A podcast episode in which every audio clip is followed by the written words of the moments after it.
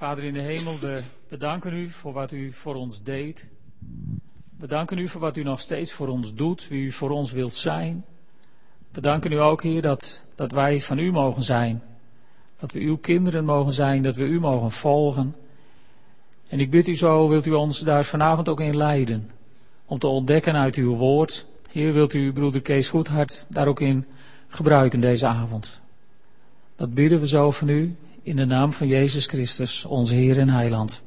Amen. Ik ga nog één lied zingen hier. U doorgrondt en kent mij, mijn zitten en mijn staan.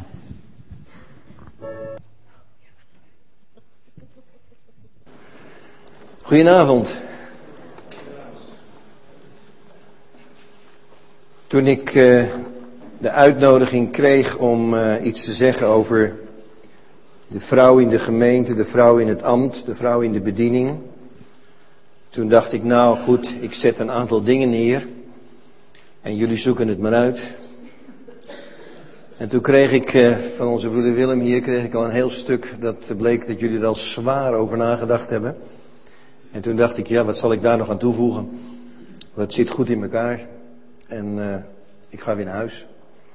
Maar al kijkend en nadenkend heb ik toch gekozen voor de studie die ik uh, daar zelf over heb gemaakt. En die ik uh, deze week nog weer eens opnieuw van alle kanten heb bekeken. En ik ga gewoon die lijn maar volgen. Dat overlapt misschien wat dingen die al eens een keer gezegd zijn. Dat maakt niet uit. Ik heb er toch geprobeerd een lijn in aan te brengen, een geheel, zodat we het voor ons kunnen zien. Ik wil eigenlijk beginnen met de stelling dat vrouw zijn is ontzettend moeilijk, omdat je dan moet leren om met mannen om te gaan. En dat alleen al. Dus, nou valt man zijn ook niet mee natuurlijk. Als je een vrouw van gedachten wilt doen veranderen, wees het met haar eens. Mannen, dan lukt het altijd wel. Toen ik zo uh, weer eens helemaal indook hier, toen, toen kwam ik eigenlijk tot de ontdekking dat de kerkvaders grote invloed hebben gehad op het denken van de huidige kerken van vandaag de dag. En ik, heb een aantal uh, uitspraken van onze oude kerkvaders, heb ik gewoon eens opgezocht. Gezocht, en ik kwam tot de ontdekking dat die waren beslist niet vrouwvriendelijk. Ik geef jullie er een paar. Tertullianus, die heeft gezegd, de vrouw is de poort waardoor de duivel binnenkomt. Augustinus, die zei, de vrouw is een minderwaardig wezen. In de synode van Macon in 585, daar werd gezegd, vrouwen zijn geen mensen. En Thomas van Aquino, die zei, vrouwen, een vergissing van de natuur. Ambrosius, die zei, vrouwen, dat is de deur waardoor de duivel tot ons komt. En de bekende Franciscus van Assisi, die zei, wie met een vrouw omgaat, loopt kans op bevlekking van zijn geest, net zoals iemand die door vuur loopt op verzengde voetzolen. Nou, jullie begrijpen al, die kerkvaders, die, daar moet je het niet van hebben op zo'n avond als vanavond. Want dat is erg vrouw onvriendelijk. Het tweede wat me erbij bepaalde om deze lijn toch weer te volgen, die ik voor ogen heb, is dat het wat al te simpel is om je hele mening te baseren op één of twee teksten. Want dan kom je eigenlijk altijd terecht op die twee teksten waar het dan uiteindelijk om zou moeten draaien. Dus ik ga gewoon eens een stukje met jullie door de Bijbel heen. En pak de draad op, gewoon eens om te kijken wat de Bijbel in het algemeen allemaal goed vindt wat vrouwen doen. Nou ga ik niet al die teksten doen, want het is meer als uh, je denkt misschien. Maar ik begin gewoon maar even in Numeri. In Numeri hoofdstuk 27 vanaf vers 1. Nummerie en dan hoofdstuk 27. En dan vanaf vers 1. En de dochters van Selafiat, de zoon van Hever, de zoon van enzovoort, enzovoort, enzovoort.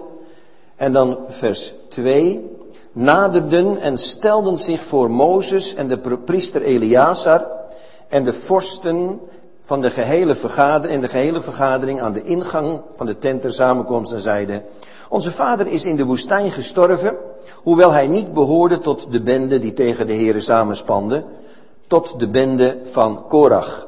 Maar om zijn eigen zonde is hij gestorven en hij had geen zonen. Waarom zal de naam van onze vader uit het midden der geslachten verdwijnen, daar hij geen zoon heeft? Geef ons bezit onder de broeders van onze vader. Toen bracht Mozes haar rechtsvraag voor het aangezicht des Heren. En de Heer zei tot Mozes, de dochters van Selafiat hebben gelijk. Gij zult haar voorzeker erfelijk bezit onder de broeders van haar vader geven, en gij zult het erfdeel van haar vader op haar doen overgaan. En tot de Israëlieten zult gij al dus spreken, wanneer iemand sterft zonder een zoon te hebben, dan zult gij zijn erfdeel op zijn dochter doen overgaan. Heeft hij geen dochter, dan zult gij zijn erfdeel aan zijn broeders geven. Heeft hij geen broeders, dan zult gij zijn erfdeel aan de broeders van zijn vader geven. Heeft zijn vader geen broeders, enzovoort. En dit zal voor Israël tot een rechtsinzetting zijn, zoals de Heere aan Mozes geboden heeft. Dus het was het antwoord van de Heer die zei, ook de dochters kunnen erfgenamen zijn. In Exodus 15, en dat ga ik maar niet met je allemaal lezen, maar in Exodus 15 vanaf vers 1, daar zingt Mozes een lied voor de hele gemeente.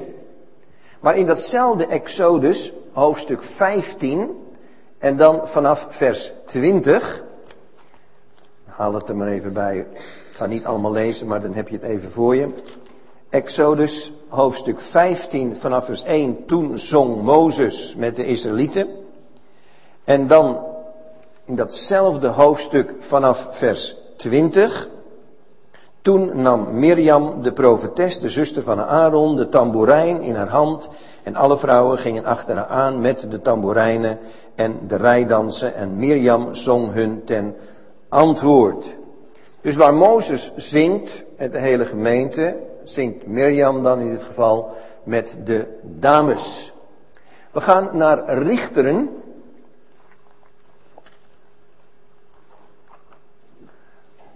Jullie weten dat Rut eigenlijk een onderdeel is ook van Richteren. En dat hoorde eigenlijk oorspronkelijk bij het boek Richteren en is later een apart geschrift geworden. In Richteren hoofdstuk 4, Richteren hoofdstuk 4, vanaf vers 4. De profetes Deborah, de vrouw van Lapidot, richtte destijds Israël. Zij was gewoon zitting te houden onder de Deborah-palm tussen Rama en Bethel op het gebergte van Ephraim en de Israëlieten kwamen bij haar voor een rechterlijke uitspraak. Zij nu ontbood Barak, de zoon van Abinoam, uit Kades in, Kedes in Naphtali, en zei tot hem, heeft de Heere, de God van Israël, niet geboden, ga heen, trek naar de berg Tabor, en neem met u tienduizend man Naphtalieten en Sebolonieten, en ik zal aan de beek Kizon, ik zal aan de beek Kizon, Caesars, de krijgsoverste van Jabin naar u toevoeren, Sisera, met zijn strijdwagens en zijn troepen. En ik zal hem in uw macht geven. Nou ja, enzovoort, enzovoort. Jullie weten alles, denk ik, zo langzamerhand wel van Deborah, die zelfs gezag had over mannen, uit rechtspraken deed, uh, allerlei dingen regelde. Zij was net als de mannelijke richters in dezelfde positie als vrouw zijnde. In 1 Koningen 22 vers 14. Ik zei het al, het is een greep uit een heleboel teksten, maar in 1 Koningen 22 vers 14. Maar, ja, 1 Koningen. Oh, het, is, het, is twee, het is twee, zie ik nu, ja. Twee koningen. Jullie zaten al te kijken, merkte ik wel. Twee koningen 22. Ik denk ook al, klopt niet wat er staat. Twee koningen 22. En dan vers 14.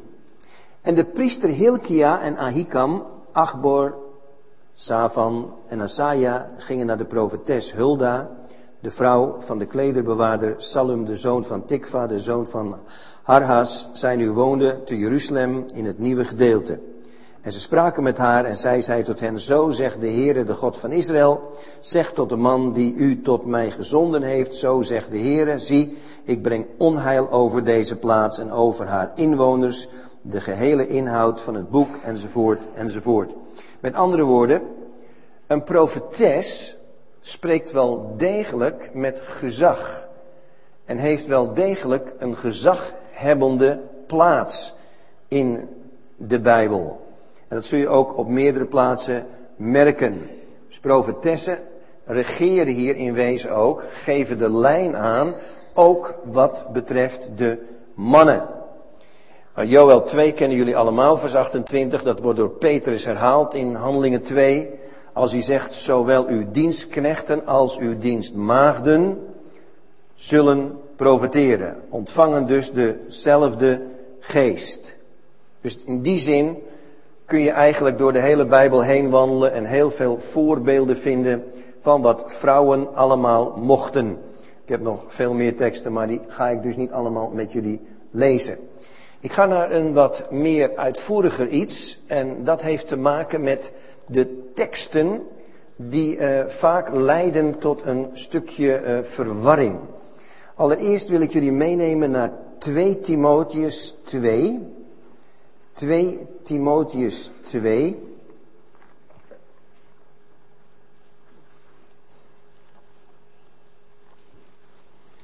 Twee Timotheus.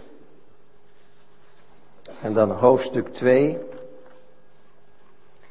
En dan vers 2. 2 Timotheus 2, beginnen maar even bij vers 1. Gij dan, mijn kind, wees krachtig in de genade in Christus Jezus en wat gij van mij gehoord hebt onder vele getuigen, vertrouw dat toe aan vertrouwde mensen die bekwaam zullen zijn om ook anderen te onderrichten. Ik heb dat nog eens even voor jullie in de grondtekst nagekeken, maar hij gebruikt hier niet, Paulus, het woord mannen. Hij gebruikt hier het woord mensen, mannelijk en vrouwelijk. Hij gebruikt hier het woord anthropois. Dat zegt op zich niet zo heel veel. Maar er staat letterlijk vertrouw dat toe aan vertrouwde mensen, niet per se mannen, die bekwaam zullen zijn om ook anderen te onderrichten, dus te onderwijzen. En daar heb je eigenlijk een tekst waar je dan eens wat langer over zou kunnen nadenken. Maar er is nog zo'n soort verhaal en dat vinden jullie in Hebreeën in Hebreeën 5. Hebreeën hoofdstuk 5 en dan vers 11. Hebreeën 5 en dan vers 11. Hierover hebben wij veel te zeggen, maar het is moeilijk uit te leggen omdat gij traag zijt geworden in het horen. Want hoewel gij naar de tijd gerekend leraars behoordet te zijn, hebt gij weer nodig dat men u de eerste beginselen van de uitspraken Gods leert. De tekst is dus, naar de tijd gerekend, hadden we, al die gelovigen die daar zijn, hadden leraars moeten zijn. Mannelijk en vrouwelijk. Dus dat is niet speciaal ook weer toegedacht aan een bepaalde groep. Naar de tijd gerekend hadden ze allemaal, zo lang zijn ze al in dienst van de Heer, leraars moeten zijn. Blijft natuurlijk wel de vraag over aan wie, wie moet wie onderwijzen en hoe vaak en in welke lijn. Vrouwen alleen kinderen of alleen uh, vrouwen of enzovoort. Maar in wezen gaat het erom dat ze hier allemaal die leraar moeten zijn. Dan is er nog iets en dat vinden jullie in 1 Petrus hoofdstuk 2. 1 Petrus.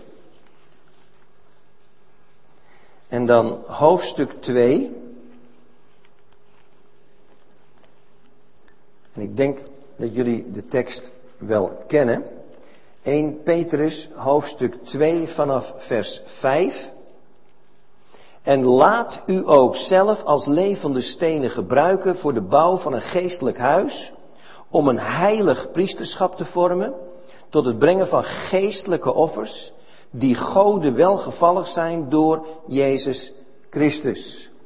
En dan gaat dat nog door en dan zegt hij in vers 9, gij echter zijt een uitverkoren geslacht, een koninklijk priesterschap, een heilige natie, een volk Gode ten eigendom. En dat zegt hij tegen mannen en vrouwen. Betekent dus dat zowel die mannen als die vrouwen samen een heilige priesterschap vormen.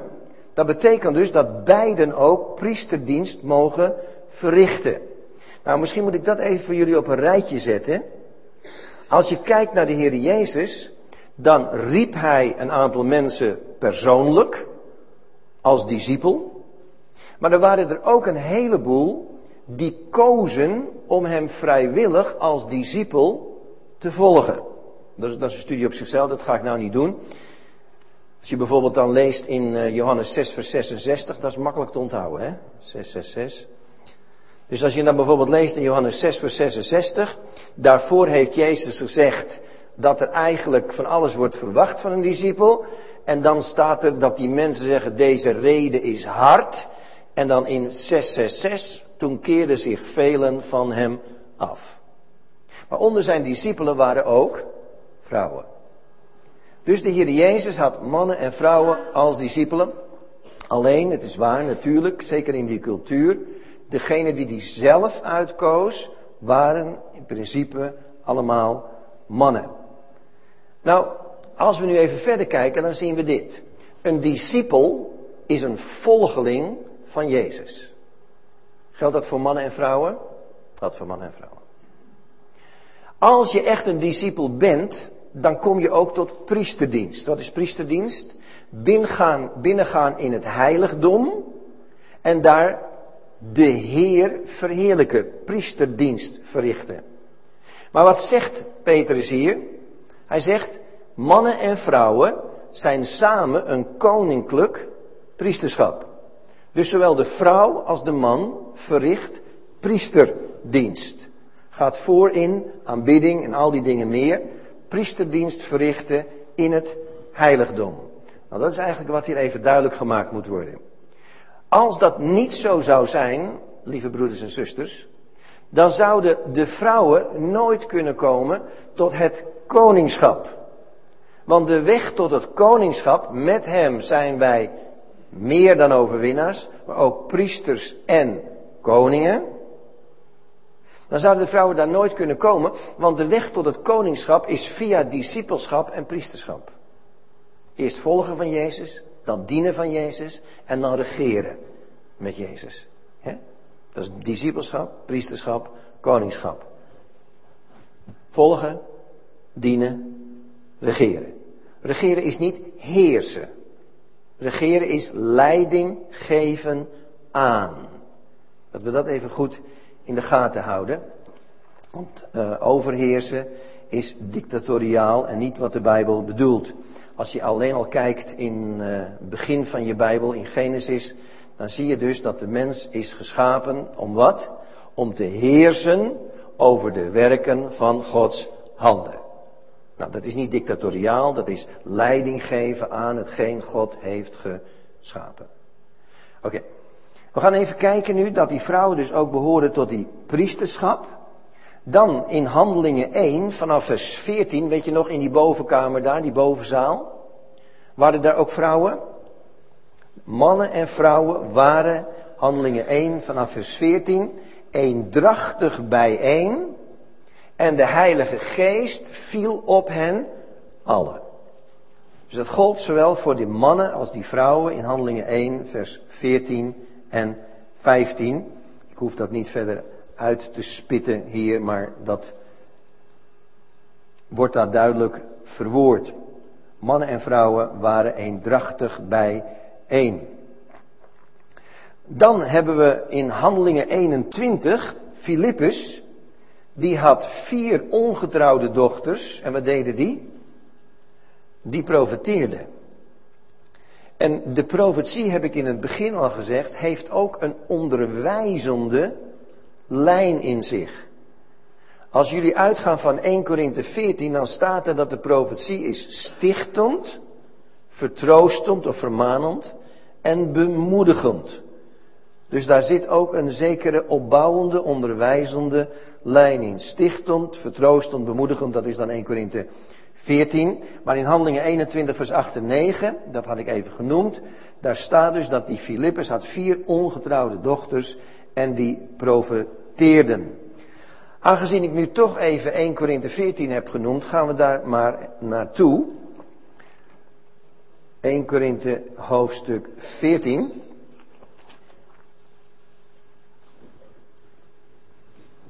...1 Korinthe hoofdstuk 14... ...en dan vers 3... Maar wie profeteert, spreekt voor de mensen stichtend, dan staat er in de NBG vermanend, in de grondtekst staat vertroostend en bemoedigend. Dat weten we dan, maar nou wil ik naar vers 26 van hetzelfde hoofdstuk. Dus vers 26. Hoe staat het dan, broeders? Telkens als gij samenkomt, heeft een ieder iets. Een psalm, een lering, openbaring, een tong, een uitlegging. En dat alles moet tot stichting geschieden. Tot stichting of tot opbouw geschieden. En dan is dat eigenlijk, als je zo doorleest, zie je ook, dat dient dus weer tot onderwijs, tot opbouw van wat van de mensen om je heen, door middel van hetgeen je hebt gesproken. Zijn de gaven van de geest voor mannen en vrouwen? Ja. Dus daar is geen verschil. De gaven van de geest zijn voor mannen en voor vrouwen. En mannen en vrouwen, denk maar even terug aan Joël, denk maar even terug aan Handelingen 2. Uw zonen en uw dochteren zullen profeteren. En je vindt door de hele Bijbel heen ook profetessen enzovoort. Nou, is het een beetje eh, langdradig als ik verder al die vrouwen ga noemen, maar in Handelingen 18, daar kom je Aquila en Priscilla tegen. En dan zie je ook dat vrouwen in samengaan met hun mannen ook een hele bediening kunnen hebben. Dat is het verhaal uit Handelingen 18, dat ga ik niet allemaal met jullie lezen, dat kun je zelf wel eens nalezen. En in Titus 2, daar heb je dus dat oudere vrouwen, jongere vrouwen en kinderen leren, onderwijs geven. Nou, die teksten die vind je ook wel terug in je eigen stuk. Dus daar is ook wel wat mee te doen. Dus daar hebben we eigenlijk niet zo'n probleem mee. Het grootste probleem komt eigenlijk steeds naar voren van in hoeverre kunnen de vrouwen vandaag de dag nog functioneren. En hoe ver kunnen ze functioneren en wat mogen ze doen? Ik zei al, onze kerkvaders waren zeer onvriendelijk. En dat heeft beslist invloed gehad op het denken van de mensen van vandaag de dag. Dat betekent ook dat eh, als wij tegen de vrouw in het ambt zijn, of dat ze iets zou zeggen in de gemeente, wij het liefste gaan, en we zitten nou toch in dat Korinthe, dan gaan we het liefste naar 1 Korinthe 14 en dan vers 34.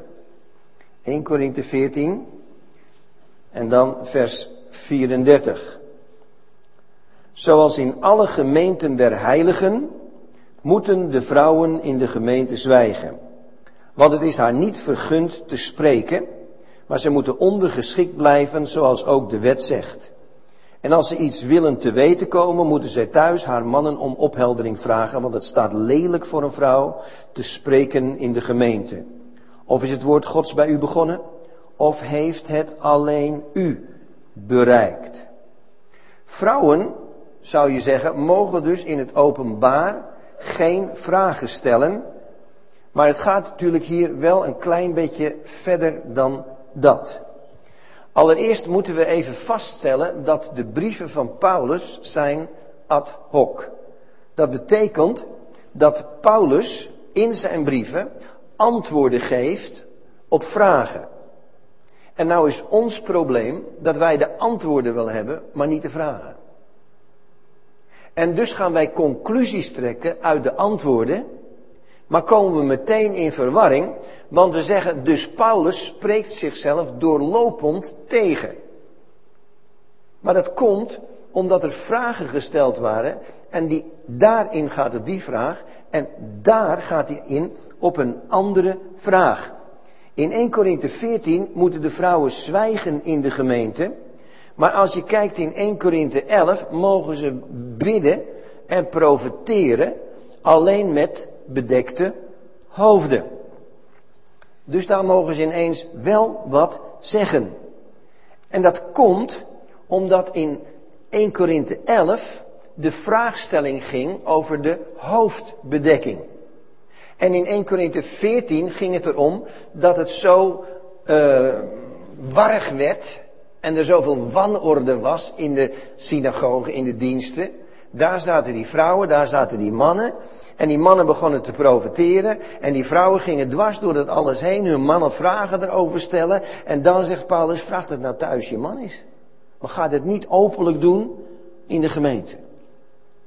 Nou, een van de problemen, als je dit soort onderwerpen behandelt, is namelijk dat je aldoor blijft hangen op hun vrouwen of vrouwen in het algemeen. In de grondtekst is dat hetzelfde woord.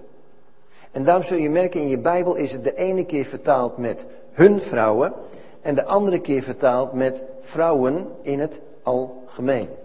En je moet eigenlijk uit het geheel, de context als zodanig, moet je opzien te maken, is het nou dit of is het nou dat? Waar gaat het hier nou precies over? Dus in 1 Korinthe 14 gaat het puur over vrouwen die hun mannen in de reden vallen. En waar tegen Paulus zegt, wat een wanorde, wat een toestand, God is een God van orde. Ga dat nou maar thuis aan je man vragen. En als je het goed leest, moet het wel over hun mannen gaan. Want in vers 35 staat, als zij iets te weten willen komen, moeten ze thuis haar mannen om opheldering vragen. dus het gaat daar duidelijk over hun eigen man. Je kunt thuis niet een andere vent gaan bevragen. Zo werkt het gewoon niet. Dus het moet dan puur gaan over dat gedeelte. Ga je echter naar het verhaal in 1 Korinthe 11, en dat moeten we dan toch ook maar even doen dan zie je dat uh, hij vanaf vers 3, dus 1 Korinthe 11 vanaf vers 3, dat Paulus daar zegt, ik wil echter dat gij dit weet, het hoofd van iedere man is Christus, het hoofd der vrouw is de man en het hoofd van Christus is God. Iedere man die bidt of profeteert met gedekte hoofden, doet zijn hoofd schande aan. Hoe vind je die zin? Waarom dragen de Joden dan een keppeltje? Ze bidden. Zie je dat hier er een cultuurzaak aan de orde is? Dan moet je even doorlezen, hè? Maar iedere vrouw die blootshoofds bidt of profeteert, doet haar hoofd schande aan. Want ze staat gelijk met een die kaal geschoren is. Want indien een vrouw zich het hoofd niet dekt, moet zij zich ook maar het haar laten afknippen. Doch indien het een schande is voor een vrouw dat ze zich het haar laat afknippen of zich kaal laat scheren, dan moet ze zich dekken. Want de man moet het hoofd niet dekken. Hij is het beeld van de heerlijkheid Gods. Maar de vrouw is de heerlijkheid van de man. Want de man is niet uit de vrouw, maar de vrouw uit de man. De man is immers niet geschapen om de vrouw, maar de vrouw om de man. Daarom moet de vrouw een macht op het hoofd hebben vanwege de engelen.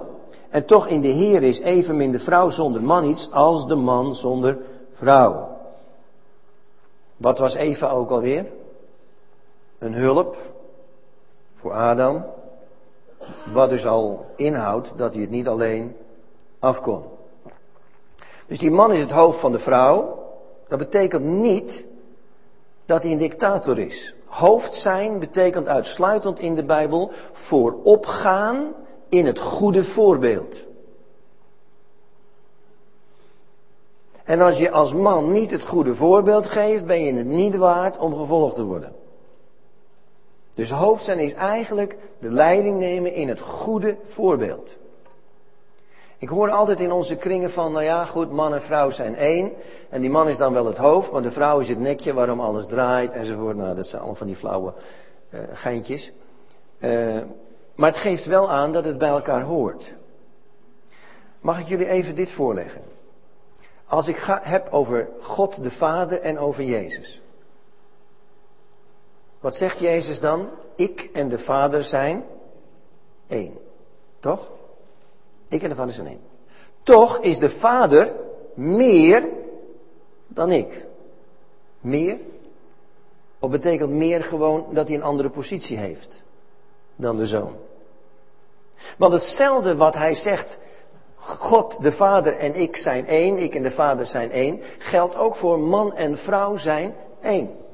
Toch heeft de man een andere plaats dan de vrouw. Is dat minderwaardig? Nee. Ik heb een studietje gemaakt, ik zal jullie niet meer lastigvallen. Maar als Eva wordt geschapen als hulp, is dat niet minderwaardig. Van alle keren in je Bijbel dat het woord hulp gebruikt wordt, gaat het bijna altijd over God zelf, die een hulp wil zijn ten dagen der benauwdheid. Dus een hulpje is niet zo minderwaardig hoor. God biedt zichzelf aan als hulp. Dat we dat even goed zien. Bovendien, God schiep hen vanaf het eerste begin, hoe was het ook alweer? Mannelijk en vrouwelijk. Genesis 1 verhaal. Mannelijk en vrouwelijk. Dus vanaf het begin heeft hij dat zo gedaan. Mannelijk en vrouwelijk. Nou, wat is God? God is geest. En we zijn geschapen naar zijn beeld. Mannelijk en vrouwelijk. En wat is het beeld van God? Uiterlijk? Het beeld van God heeft niks te maken met uiterlijk. Want God is geest.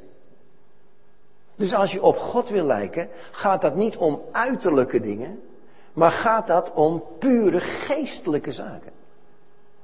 In Colossense 3, vers 15, daar zegt Paulus iets heel belangrijks. Daar zegt hij, hem te kennen is komen tot het volle kennen van hem. Dus als ik op God wil lijken, moet ik hem leren kennen. En zowel man als vrouw is geschapen naar zijn beeld.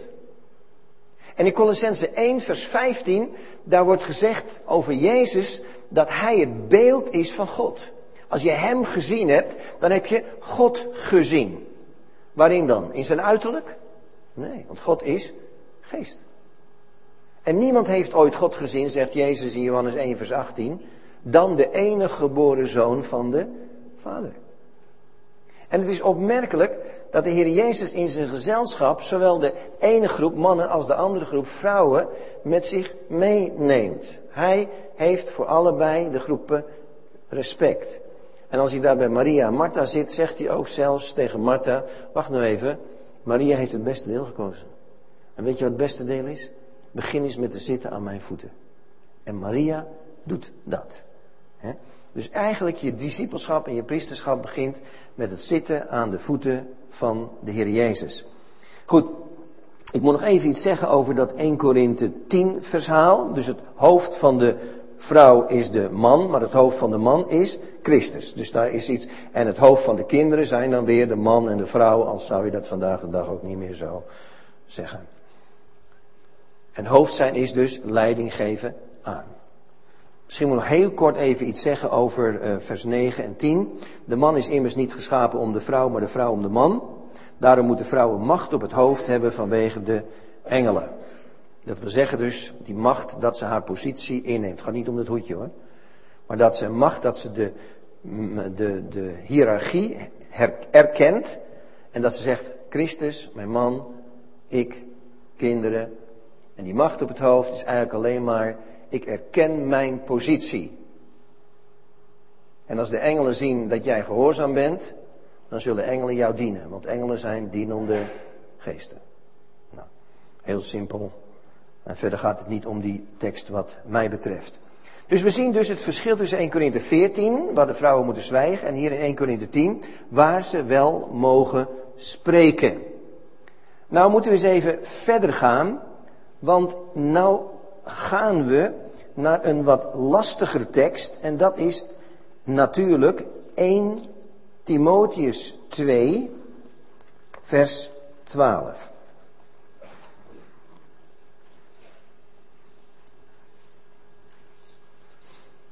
...1 Timotheus, hoofdstuk 2. En dat is de tekst die ook altijd om de hoek komt kijken. Maar misschien moet ik hem even lezen vanaf de kledingvoorschriften. In vers 8 moeten die mannen op iedere plaats staan met opheffing van heilige handen. Weten jullie trouwens, mannen, waar het goed voor is? In Klaagliederen 3, vers 41, daar staat dat je met je handen je hart opheft naar de Heer. Dus opheffen van handen is je hart opheffen naar de Heer. En dan gaat het verhaal door. En dan staat er in vers 9 even zo dat de vrouwen zich sieren met waardige klededracht, zedig en ingetogen, niet met haarvlechten en goud of paarlen en kostbare kleding, maar zo immers betaamt het vrouwen die voor haar godsvrucht uitkomen door goede werken. Een vrouw moet zich rustig in alle onderdanigheid laten onderrichten. Maar ik sta niet toe dat een vrouw onderricht geeft of gezag over de man heeft. Zij moet zich rustig houden. Want eerst is Adam geformeerd en daarna Eva. En Adam heeft zich niet laten verleiden, maar de vrouw is door de verleiding in overtreding gevallen. Doch ze zal behouden worden, kinderen ter wereld brengende. Indien zij blijft in geloof, liefde en heiliging met ingetogenheid. Nou is er een andere vertaling van vers 12. Waar Paulus zegt hier, ik sta niet toe dat de vrouw onderricht geeft. En in die vertaling staat letterlijk, ik sta niet toe dat de gehuwde vrouw gezag heeft over haar man. En dat de nadruk niet ligt op onderwijs, maar op gezag hebben over iemand. Ze mag niet domineren, ze mag niet dominant zijn. Dus het gaat niet in de eerste plaats om het onderwijzen, maar om het gezag uitoefenen over een man. En nou ga ik iets doen. Uh, jullie hebben het heel prettig vanavond, je hoeft het in niks met me eens te zijn. En uh, ik voel me ook helemaal niet miskend als je nergens mee eens bent. Ik vind het allemaal prima. Alleen sommige dingen zijn wel waar. Je zult toch naar de waarheid toe moeten. Zullen we eens even kijken naar die tekst? Want het is een vreemde tekst, hè? Als je kijkt in vers 13, want eerst is Adam geformeerd en daarna Eva. En Adam heeft zich niet laten verleiden, maar de vrouw is door de verleiding in overtreding gevallen. De enige uitleg die ik steeds krijg daar is, zij is de zwakke schakel.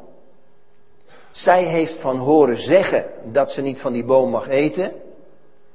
En daarom valt de duivel haar aan. Nou, dat kan best. Ik ben er ook helemaal niet tegen, tegen die uitleg. Zwakke schakel is altijd iemand die het heeft van horen zeggen en die het niet persoonlijk van God heeft gehoord. Maar ze is niet de zwakke schakel omdat ze vrouw is. Ze is de zwakke schakel omdat ze het heeft van horen zeggen. Maar nou komt het een beetje lastiger. Als Eva verleid is, dan begrijp ik dat ze gegeten heeft. Maar als Adam niet verleid is, want dat staat er, waarom heeft hij dan gegeten? Want nou wordt het een tikje lastiger. Dus Eva heeft, is verleid, die heeft gegeten. En Adam is niet verleid en die heeft ook gegeten. Als je nou Genesis gaat lezen, dan zou je de indruk kunnen krijgen van. En ze gaf haar man die naast haar stond ook te eten. Dus die suffert heeft daar de hele tijd staan kijken wat er allemaal gebeurde. En heeft niet ingegrepen. Maar er missen natuurlijk stukken uit het verhaal, want het zijn allemaal overleveringsverhalen. En als je Adam zou maken tot een suffert, dan ben je weer niet goed bezig. Want Adam. Ja, misschien moet je dat toch even, even, even kijken in Lucas. In dat uh, geslachtsregister.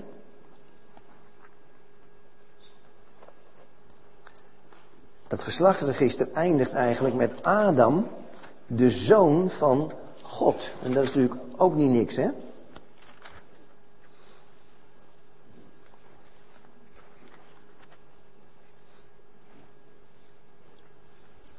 Even kijken hoor. We hebben dat staan in vers 38 van hoofdstuk 3 ga niet het hele geslachtsregister maar lezen met jullie. Dat is, een, dat is een verhaal hoor. En dan lees ik aan het eind de zoon van Enos, de zoon van Seth, de zoon van Adam, de zoon van God. Dus Adam was de zoon van God. Er is nog iets. In Romeinen 5, in Romeinen 5, daar wordt ons verteld dat Adam het beeld is van de komende Christus. Als jij zegt, wie zou ik in de Bijbel nou een beeld van Christus willen noemen in het Oude Testament? Dan denk ik dat je misschien iets van David zou zeggen of van Jozef zou zeggen. Maar zou je kiezen ook voor Adam? Adam daar een beeld is van de komende Christus.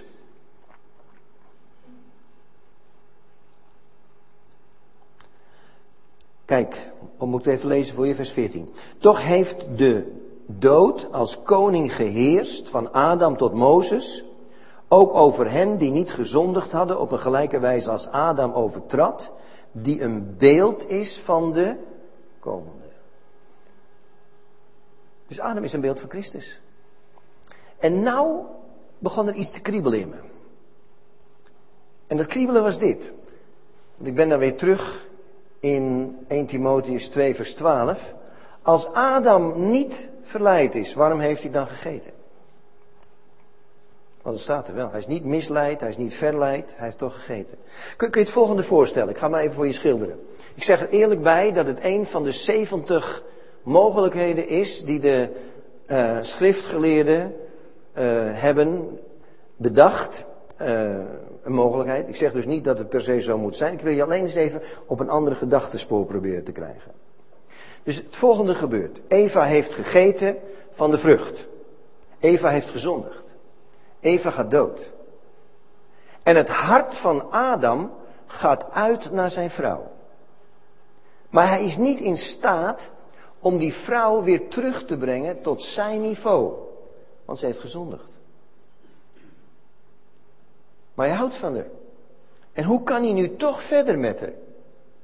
En de enige manier om weer bij haar te komen, want zijn hart gaat uit naar deze vrouw, is ook te eten van de vrucht. En door te eten van de vrucht kan hij afdalen tot haar niveau en kunnen ze samen weer één zijn. En kunnen ze hopen op de grote genade van God dat er toch nog iets moois uit voortkomt.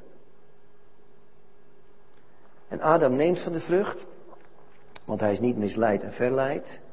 Hij eet om weer terug te komen bij zijn grote liefde. En daarmee is hij een beeld van Jezus. Want Jezus zei, ik wil jullie als bruid zo graag werven. Als gemeente, als mensheid wil ik jullie terugwinnen. En de enige manier om bij jullie te komen, mijn hart gaat naar jullie uit, zegt Jezus, is mens te worden. En hij daalde af tot ons niveau. En door zijn leven te geven voor ons en alle straf op zich te nemen, kon hij ons weer terugbrengen naar zijn niveau. En zijn wij mannelijk en vrouwelijk een nieuwe schepping in Christus Jezus. Dat is ook een verhaal, hè? Dat is ook een verhaal. Want als Adam niet verleid is en misleid is, en hij is een beeld van Christus, dan is hij afgedaald tot het niveau van de vrouw. Alleen hij kon haar niet terugbrengen. En hij moest rekenen op de genade van de Heer. En de genade van de Heer kwam al meteen. En hij zei, jij zal zaad voortbrengen, enzovoort, enzovoort. En dat zal leiden tot verlossing, oplossing, enzovoort. En waar Jezus ook afdaalt tot ons niveau en de straf op zich neemt en de prijs betaalt, kan Hij ons meeslepen naar zijn niveau en mogen we in Christus, mannelijk, vrouwelijk, nieuwe scheppingen zijn. Nou, dat is mooi. En als je dat gaat zien, dan gaat het ietsje meer voor je leven. En dan moet je nog even op iets letten. Ik ga nog weer terug naar dat Timotheus. Want daar moeten we dan toch nog weer even naartoe.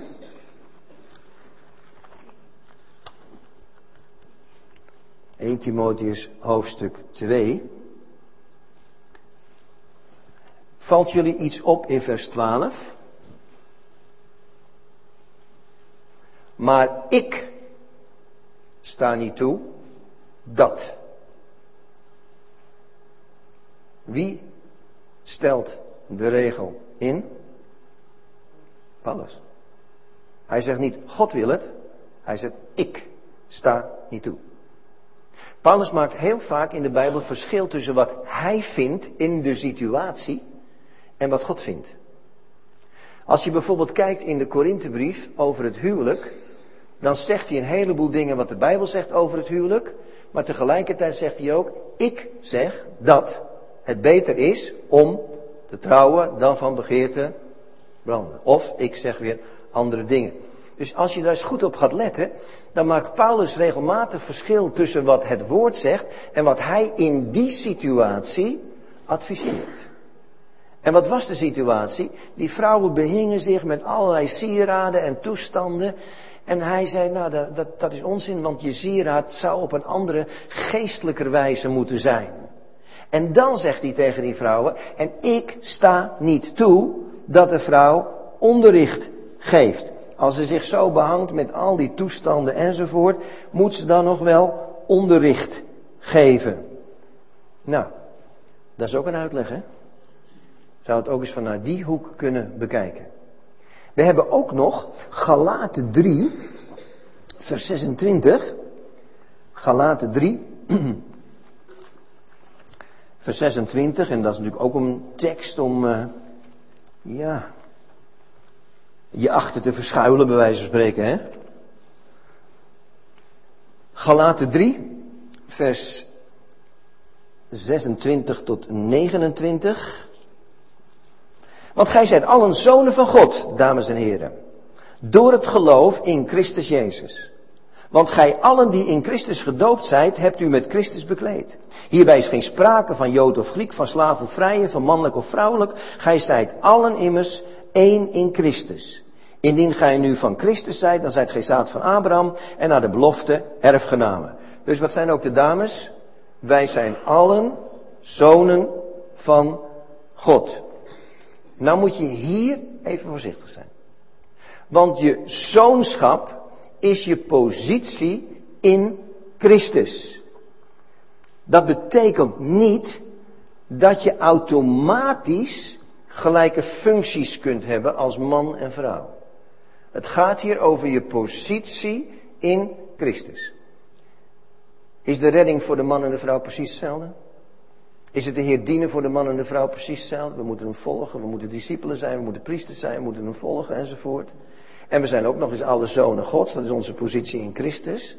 Maar dat betekent niet automatisch dat ook de functies van man en vrouw daadwerkelijk precies hetzelfde zouden moeten zijn. En dat brengt me nog bij één klein stukje voordat wij gaan pauzeren. En dat stukje dat heb ik eventjes opgezocht, want dat sprak me toch wel aan.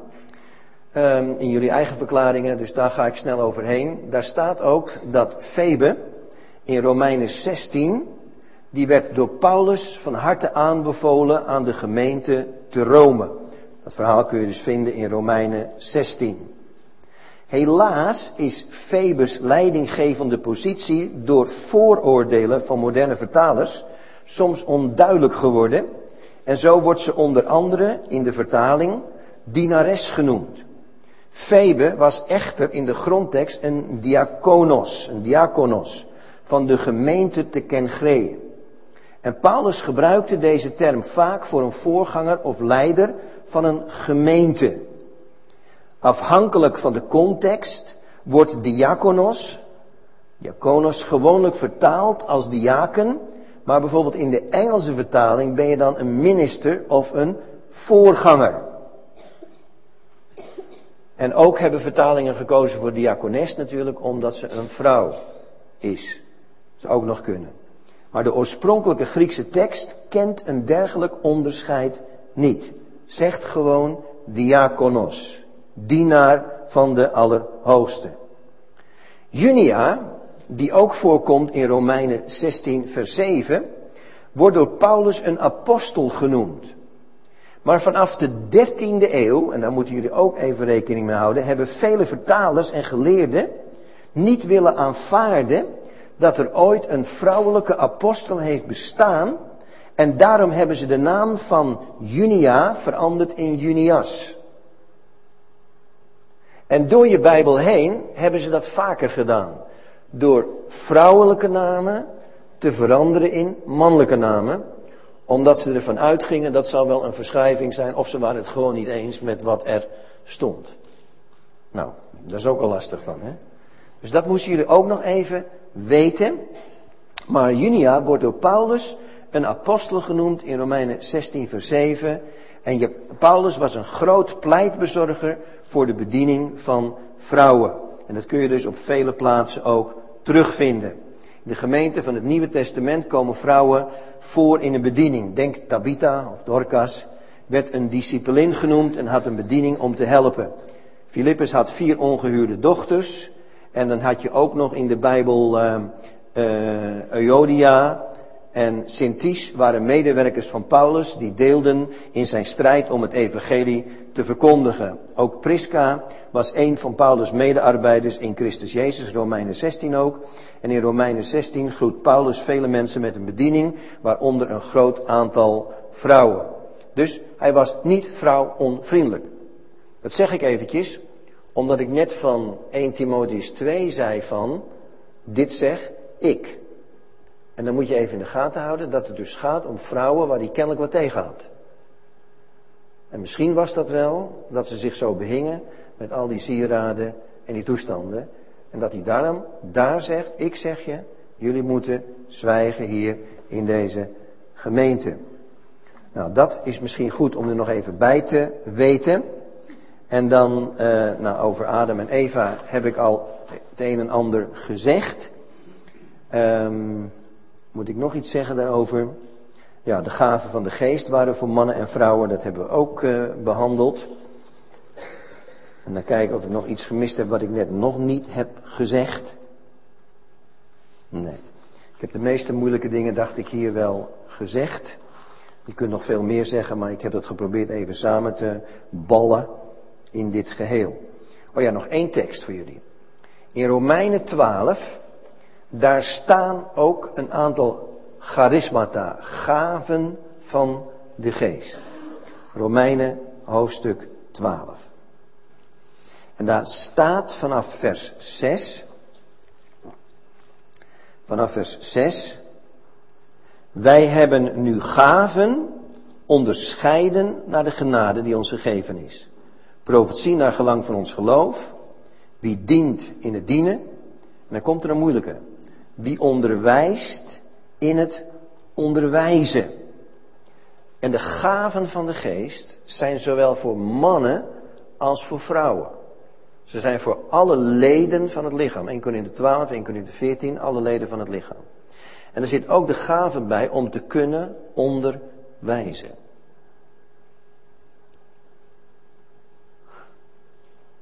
Oké. Okay. Gaven zijn voor mannen en vrouwen. Goed, lieve mensen. Ik heb geen enkele poging gedaan om uh, jullie te laten merken waar ik voor ga. Dat wil ik je nog wel een keer vertellen, maar dat zullen we dan na de pauze wel doen. En ook waarom. Maar ik heb eigenlijk geprobeerd iets neer te zetten voor jullie. Waarbij je misschien uh, bepaalde teksten kunt gaan zien uh, vanuit een ander licht. En er op een andere manier naar leert kijken. En er staat een hele mooie tekst in je Bijbel. Indien het er iemand om te doen is gelijk te hebben. Wij hebben zulk een gewoonte niet. Dus met die houding ben ik hier ook naartoe gekomen. Ik heb niet het idee dat ik gelijk wil hebben. Maar uh, ik heb wel het idee dat we er wat mee moeten doen. Ja. Amen. Oké, okay. beste mensen, we hebben uh, een hele hoop stof tot nadenken gekregen. Als u nog meer stof tot nadenken wilt, denkt, hé, hey, er is toch iets waar ik nog een vraag over heb, voel je vrij om ze aan uh, broeder Kees Goedhart te vragen. Het woord is aan jullie. Iemand die een uh, vraag heeft. Misschien moet je die microfoon even bij houden. Kan dat? Kan dat? Ja. Wie, heeft er, wie zou er nog een vraag willen stellen? Steek je hand maar even op, dan krijg je de microfoon wel even.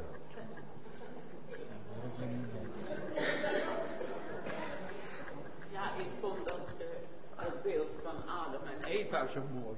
Ja. Dat had ik nog nooit gehoord. Dat vond ik zo prachtig. Hmm. En dat uh, zal ik altijd onthouden. Dankjewel. Prachtig. Ja, de rabbijnen hebben, uh, de rabbijnen hebben uh, 70 verhalen over de schepping. Ik heb uh, in mijn preek op de Pinksterconferentie van Opwekking, heb ik daar ook iets over gezegd. En heel veel mensen heeft dat wel tot nadenken gestemd. Want je zit toch altijd met het woordje van niet Adam werd misleid, maar Eva. Dat gaf toch een, ja, een opening van wat gebeurt hier. En hij is een beeld van de komende Christus. Dus ja, durf er eens naar te kijken op een andere manier. Hè? En het heeft niks te maken met je behoudenis verder. Dus uh, dat is het mooie van dat soort verhalen. Ja. Dankjewel. Er was achterin iemand, uh, Willem.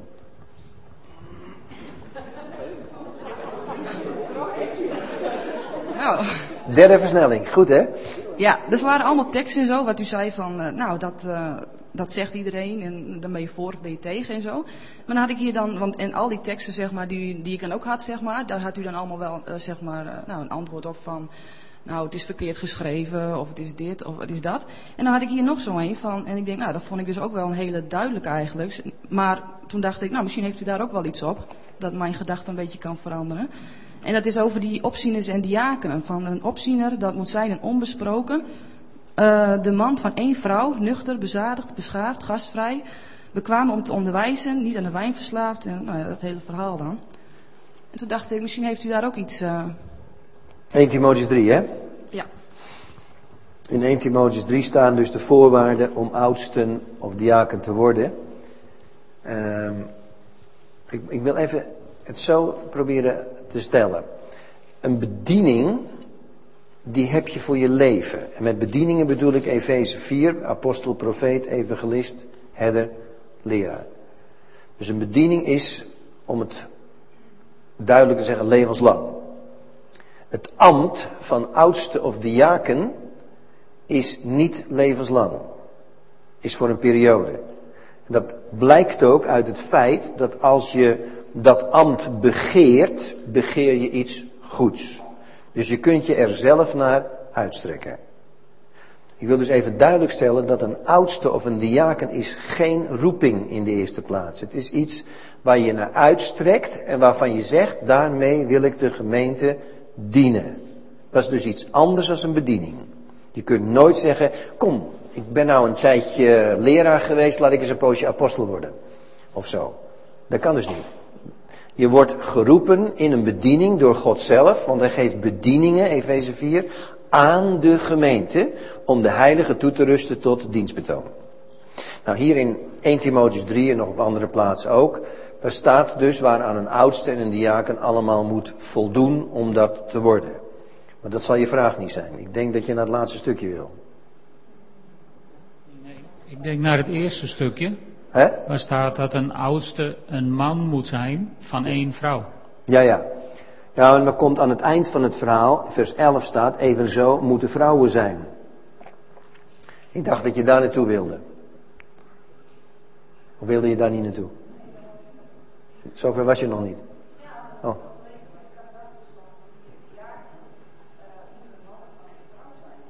Oh ja, nee, maar dan zit je toch met vers 11. Evenzo moeten vrouwen zijn waardig, geen kwaadspreeksters, nuchter, betrouwbaar in alles, enzovoort, enzovoort. En dan krijg je, diakenen moeten ook weer de man zijn van één vrouw. En uh, vrouwen moeten ook voldoen, als ze dat ambt zouden begeren, aan die voorwaarden. Dus hun, staat tussen haakjes, en dan heb je weer wat ik ook zei in de studie, van uh, uit het grondtekstwoord, Griekse woord, kun je niet helemaal opmaken of het vrouwen of hun vrouwen zijn. Alleen als hier hun vrouwen zou staan, dan zou dat alleen maar slaan op de diakenen en niet op de oudste. En dat zou vreemd zijn. En daarom is de verklaring ook evenzo vrouwen die dat ambt zouden begeren, moeten ook voldoen aan een aantal voorwaarden. Maar ik zeg nogmaals, dat is een verklaring hoor. Maar jij wil eigenlijk naar, uh, dit is een betrouwbaar woord, indien iemand staat naar het opzienersambt, dan begeert hij een voortreffelijke taak. Een opziener, dan moet een onbesproken de man van één vrouw, en daar wil je de nadruk op leggen, ja. Maar goed, je kunt ook lezen, de man van één vrouw, hij moet voldoen aan die voorwaarden. Dan geldt voor een man dezelfde voorwaarden als hij diaken wil worden. En voor een vrouw, evenzo vrouwen, die dat ook zouden willen. Dat is dan het antwoord.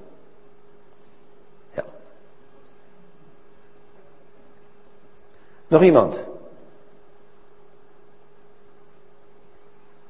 Zo duidelijk dan, hè? Ja, toch? Ja. Daar nog iemand? Ja, hier is nog iemand hoor. Je, die was eerder.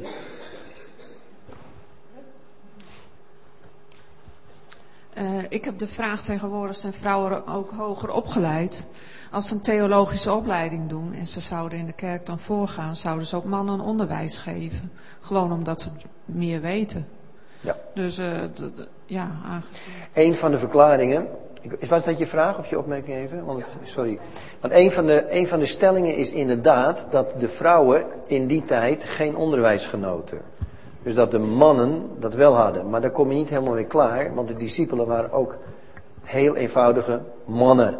Hij koos ze uit die vissers enzovoort. Het waren geen hoogopgeleide mensen. Maar in principe, en daar zit wel wat in, moest elke man vanaf jongs af aan uh, aan de voeten zitten van de schriftgeleerden. En de besten gingen door.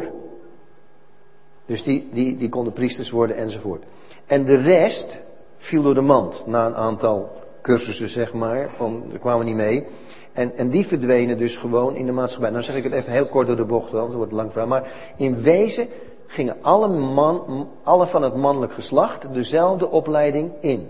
Alleen de beste kwamen tot hoge, uh, hoge functies in, in het geestelijke gebeuren, zeg maar. Laat ik het zo maar zeggen.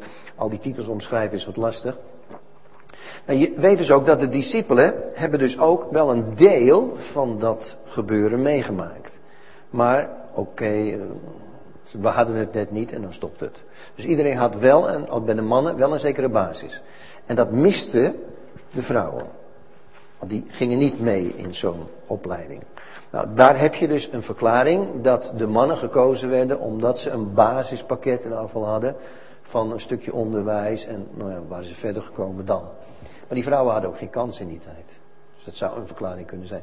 Nu heb je dus vrouwen met opleidingen. Alleen, nou moet je weer oppassen dat je het niet te veel gaat toespitsen op opleidingen. Ik, ik ken mensen die ook in onze kringen, in de gemeente, fantastisch functioneren als oudste, maar nauwelijks een opleiding hebben. Maar het zijn gewoon geestelijke mensen. En de geest kan door hen heen werken. En door hun relatie met de Heer hebben ze een geestelijke wijsheid. Een enorme wijsheid. Ook door hun leven met de Heer enzovoort. Dus je kunt niet alles toespitsen op die opleiding. Want dan kom je weer in, uh, hij of zij heeft die opleiding gehad, dus is die goed. Maar het is natuurlijk wel waar dat als iemand mannelijk en vrouwelijke opleiding heeft gehad, oké. Maar wat mij vooral een beetje tegen de borst stuit, is dit. Als zendeling heb ik uh, op het zendingsveld meegemaakt, maar dat heeft iedereen wel, dat er meer vrouwelijke zendelingen zijn dan mannelijke. En die vrouwen mogen op hun zendingsveld alles. Ze stichten gemeenten, ze preken, ze dopen mensen, ze doen, eigenlijk alles. En omdat ze vrouw zijn, hebben ze wel vaak de neiging, en dat is goed, om, uh, uh, zodra er een gemeente gevormd wordt, mannen in te schakelen dan in zo'n gemeente die taken ook overnemen. Ze willen het ook niet alleen doen, wat logisch is, maar dat geldt voor een man net zo. Maar diezelfde vrouw die op dat zendingsveld alles mag, komt terug in haar gemeente en daar moet ze zwijgen. Terwijl we haar financieel steunen als gemeente. We helpen haar, geweldig. Maar ze komt terug in haar gemeente, ze mag even getuigenis geven, maar er wordt niet gepreekt. Want vrouw mag niet preken. Nou, dat is een, ja, hoe moet ik dat zeggen? Dat, dat is eigenlijk iets wat in ons gebakken is, om wat voor reden ook. Van, dat kan dus niet. Maar het heeft onder andere te maken met, en ik heb een aantal dingen genoemd vanavond, als je Junia al vertaalt naar enzovoort, en als je al begint met onze kerkvaders te bestuderen, dan was dat een heel vrouwonvriendelijk stelletje. Nou, als je dat maar vaak genoeg hoort, dan ga je daarin mee. Dus het is niet zo dat omdat wij leven in deze tijd, mogen die vrouwen ineens van alles. Maar de Bijbel is niet feministisch, maar de Bijbel is wel vrouwvriendelijk. Dat betekent dus dat God houdt van mannen en vrouwen en ze naar hun gaven en capaciteiten inschakelt om gebruikt te worden voor de eer van de Heer. He, ik bedoel, hoeveel mannen staan op een preekstoel te stuntelen en ze kunnen geen zinnig woord zeggen. Maar het zijn wel mannen, dus ze moeten het woord voeren. En hoeveel vrouwen zouden er in die zaal zitten die het beter kunnen? Die moeten zwijgen. Nou, dat vind ik allemaal zeer onlogisch.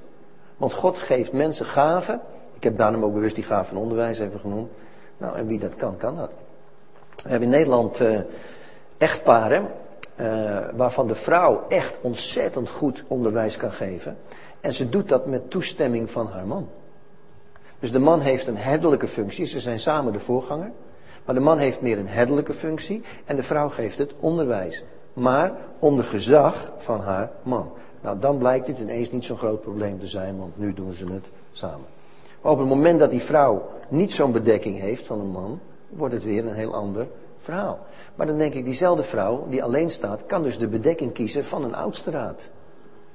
Want ieder mens moet te corrigeren zijn. Dat is ook de reden dat ik persoonlijk geen voorstander ben van een voorganger. Die het voor het zeggen heeft. Ik, ik hou met mijn hele hart van het Presbyteriaanse systeem. Alle oudsten zijn gelijk. En uh, iedereen heeft zijn functie. En we vullen elkaar aan. En of dat nou mannen en vrouwen samen zijn, dat is eigenlijk alleen een goede mix. Want vrouwen reageren toch weer anders dan, mannen. Ik heb twee gemeentes gesticht in Nederland.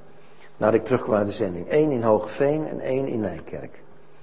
En in Hogeveen is het vanaf het begin geen hot item geweest dat vrouwen mochten spreken. Ik heb er nooit iets aan gedaan zelf hoor. De oudsten die, die daar kwamen, die daar ontstaan zijn, die nodigden vrouwelijke zendelingen uit om te spreken, hadden er geen enkele moeite mee. In Nijkerk was het door de jaren heen een hot item. Mannen waren vrouwonvriendelijk, vrouwen mochten niks. Maar ik moet ook zeggen, ze hadden vrouwen die het ook niet interesseerden. Hadden ze vrouwen gehad die aan de bel trokken van, hé, hey, we willen ook wel eens wat doen. Nee, die vrouwen draafden gezellig mee en laat die mannen het maar doen, vindt het wel goed zo. Maar sinds vorig jaar gebeurde er iets. En ineens zeiden ze van, God gebruikt ook vrouwen om het woord te brengen. Waarom alleen in vrouwengroepen, waarom ook niet in de gemeente? En eh, sinds vorig jaar spreken er nu ook in Nijkerk wel vrouwen in de gemeente. Maar duidelijk met een bediening. Het is dus ook weer niet zo dat we, omdat vrouwen nu per se moeten, bij elke vrouw maar nemen. Maar ik vind dat het bij mannen ook zo moet. Ik heb een groep oudsten in Hogeveen, gemeente gesticht, ook in Nijkerk. Maar niet alle oudsten hoeven te kunnen spreken. Hun taken kunnen verdeeld zijn. Ik vind ook niet dat ze allemaal moeten kunnen spreken. Ik vind gewoon die de gave heeft om te spreken en onderwijs te geven, die mag dat doen. Maar waarom geldt dat ook niet voor, voor vrouwen? In, in, Zwolle, waar ik overigens niet, uh, waar ik alleen maar onderdeel van de gemeente ben, hoor, ik heb er verder niet in de leiding zijn hele grote gemeentes hebben nooit gekozen voor een voorganger, maar voor een team. In Zwolle hebben ze daar jarenlang over nagedacht en gepraat en gedaan.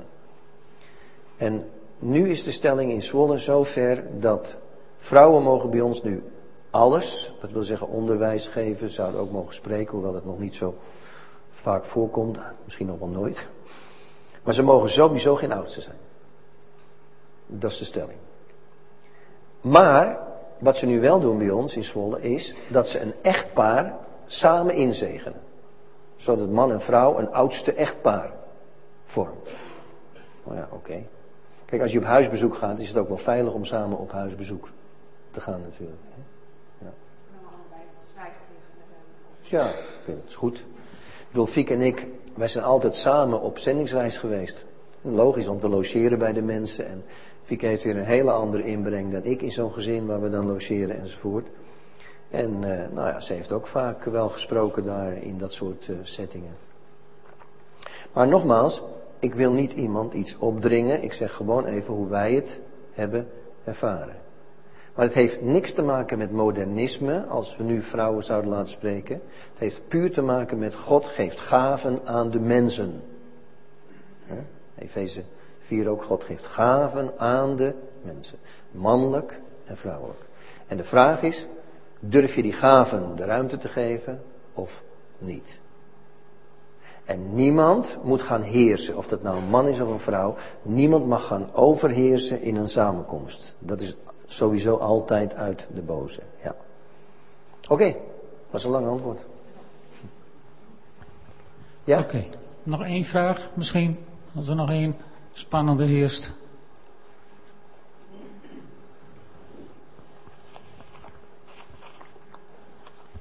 Nou, dit was een heel korte vraag eigenlijk. Maar eh, u zei dat de dingen waren veranderd in de Bijbel. Maar eh, ik dacht dat dat niet mocht. Zou je dat dan weer terug moeten veranderen? Je bedoelt de vertalers in Ja. de tijd die dingen veranderd hebben. Ja, nou. Ja, dat is ook gebeurd, hè? Daarom zijn er zoveel vertalingen. Ja. Maar moet je dan, zijn er dan teksten die je helemaal zou moeten aanpassen? Zeg je? Zou, zou, zou je dan sommige teksten zouden moeten weer omgedraaid worden of zo? Ja, kijk, wie, wie, wie dingen verandert in de Bijbel, wie iets toevoegt of iets afdoet, daar is de Bijbel heel streng over, hè? Dus dat is niet best als je dat doet. Aan de andere kant zegt Paulus, maar die bedoelt dat toch wel ietsje anders, de Bijbel is gegeven om te bemoedigen, te onderwijzen en zelfs te verbeteren. Maar Paulus bedoelt niet daarmee dat je moet veranderen. Paulus bedoelt daarmee dat je een oud-testamentische tekst moet durven plaatsen in het licht van het Nieuwe Testament. En Paulus pakt bijvoorbeeld een tekst uit Jezaja en zegt hoe liefelijk zijn de voeten van hem die een blijde boodschap brengt. En dan zegt hij in Romeinen 10 hoe liefelijk zijn de voeten van hen, tweepoot, wij. Dus hij verandert hem wel. Maar hij verbetert hem ook. Want hij zegt, kijk, het is niet alleen voor Jezus, maar ook voor jullie. Om die blijde boodschap te brengen. Dus in die zin mag hij, dat zegt hij ook letterlijk, hè, onderwijzen, maar ook verbeteren. Hij bedoelt niet dat het fout is, maar hij bedoelt dat je het ook moet plaatsen in het licht van het Nieuwe Testament. Maar als je van een vrouw een man maakt, ja, dan ben je misleidend bezig. Gewoon omdat in jouw visie het geen vrouw kan wezen. Hm? Maar weet je, het, het leuke van dit soort dingen is dat het niet de kern van de Bijbel aantast. Hè, want de kern is goed vertaald. De kern blijft dat Christus en dien gekruisigd is het fundament. De kern blijft het bloed van Jezus, Gods Zoon, reinigt van zonde. De kern is niet aangetast. En, en daar gaat het om. En al die dingen die wij nu bespreken, dat is een kwestie van elkaar de ruimte durven geven. En ook te zorgen dat we allemaal te corrigeren zijn. Want dat blijft voor ons allemaal gelden. Ik ben heel erg allergisch voor eh, eh, totaal leiderschap van één persoon. Waar niemand meer iets kan corrigeren. En of dat nou mannelijk of vrouwelijk is, is mijn zins altijd verkeerd. Want wij staan allemaal ergens onder een bepaalde leiding. Als ik autoriteit wil uitoefenen, moet ik ook autoriteit aanvaarden. Anders kan ik het niet goed doen. En dat geldt voor mannen en vrouwen. Ja. Goed. Dat was het.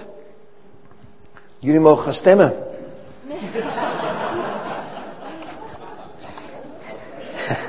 Oké. Kees, van harte bedankt. Ja, dankjewel. We hebben heel veel eh, gekregen over na te denken. Ik ben heel blij dat ik hier niet de voorganger ben Nee. na deze woorden. Maar veilig geborgen zit in een leuk, goed team. Goed zo. Dus eh doet me heel veel deugd. Ja. Bedankt voor je woorden. Dankjewel. We hebben veel meegekregen om over na te denken. We, ik zou zeggen, doe dat ook rustig. Denk erover na. Kruip in het woord van God. Lees er goede boeken over. Staan in de bibliotheek. Hierboven. En eh, wij komen er eh, begin volgend jaar met een eh, volgende studiedag zeker op terug. Dus u hoort weer van ons, zou ik zeggen. Voorlopig hebben we even genoeg stof om te herkauwen. En anders kun je hem via de website altijd nog een keer luisteren als je denkt, hoe was het ook alweer precies. Dus maak daar ook gebruik van. Zullen we deze avond samen aan de Heer teruggeven? Mag ik jullie uitnodigen te gaan staan? Vader in de hemel, dank u wel dat we zo bij elkaar mochten zijn rondom uw woord. Heer, en ik bid u, wilt u ons zo op u laten lijken, Heer, dat we van elkaar houden, zelfs als we heel verschillend over dingen denken. Heer, stort zo uw geest in ons uit. En laat uw liefde ons vullen, Heer, zodat we elkaar lief zullen hebben zoals u ons vanaf het begin hebt lief gehad. Ik dank u wel dat we zo onze weg mogen gaan in dit leven. In Jezus' naam. Amen. Lieve mensen, wel thuis allemaal.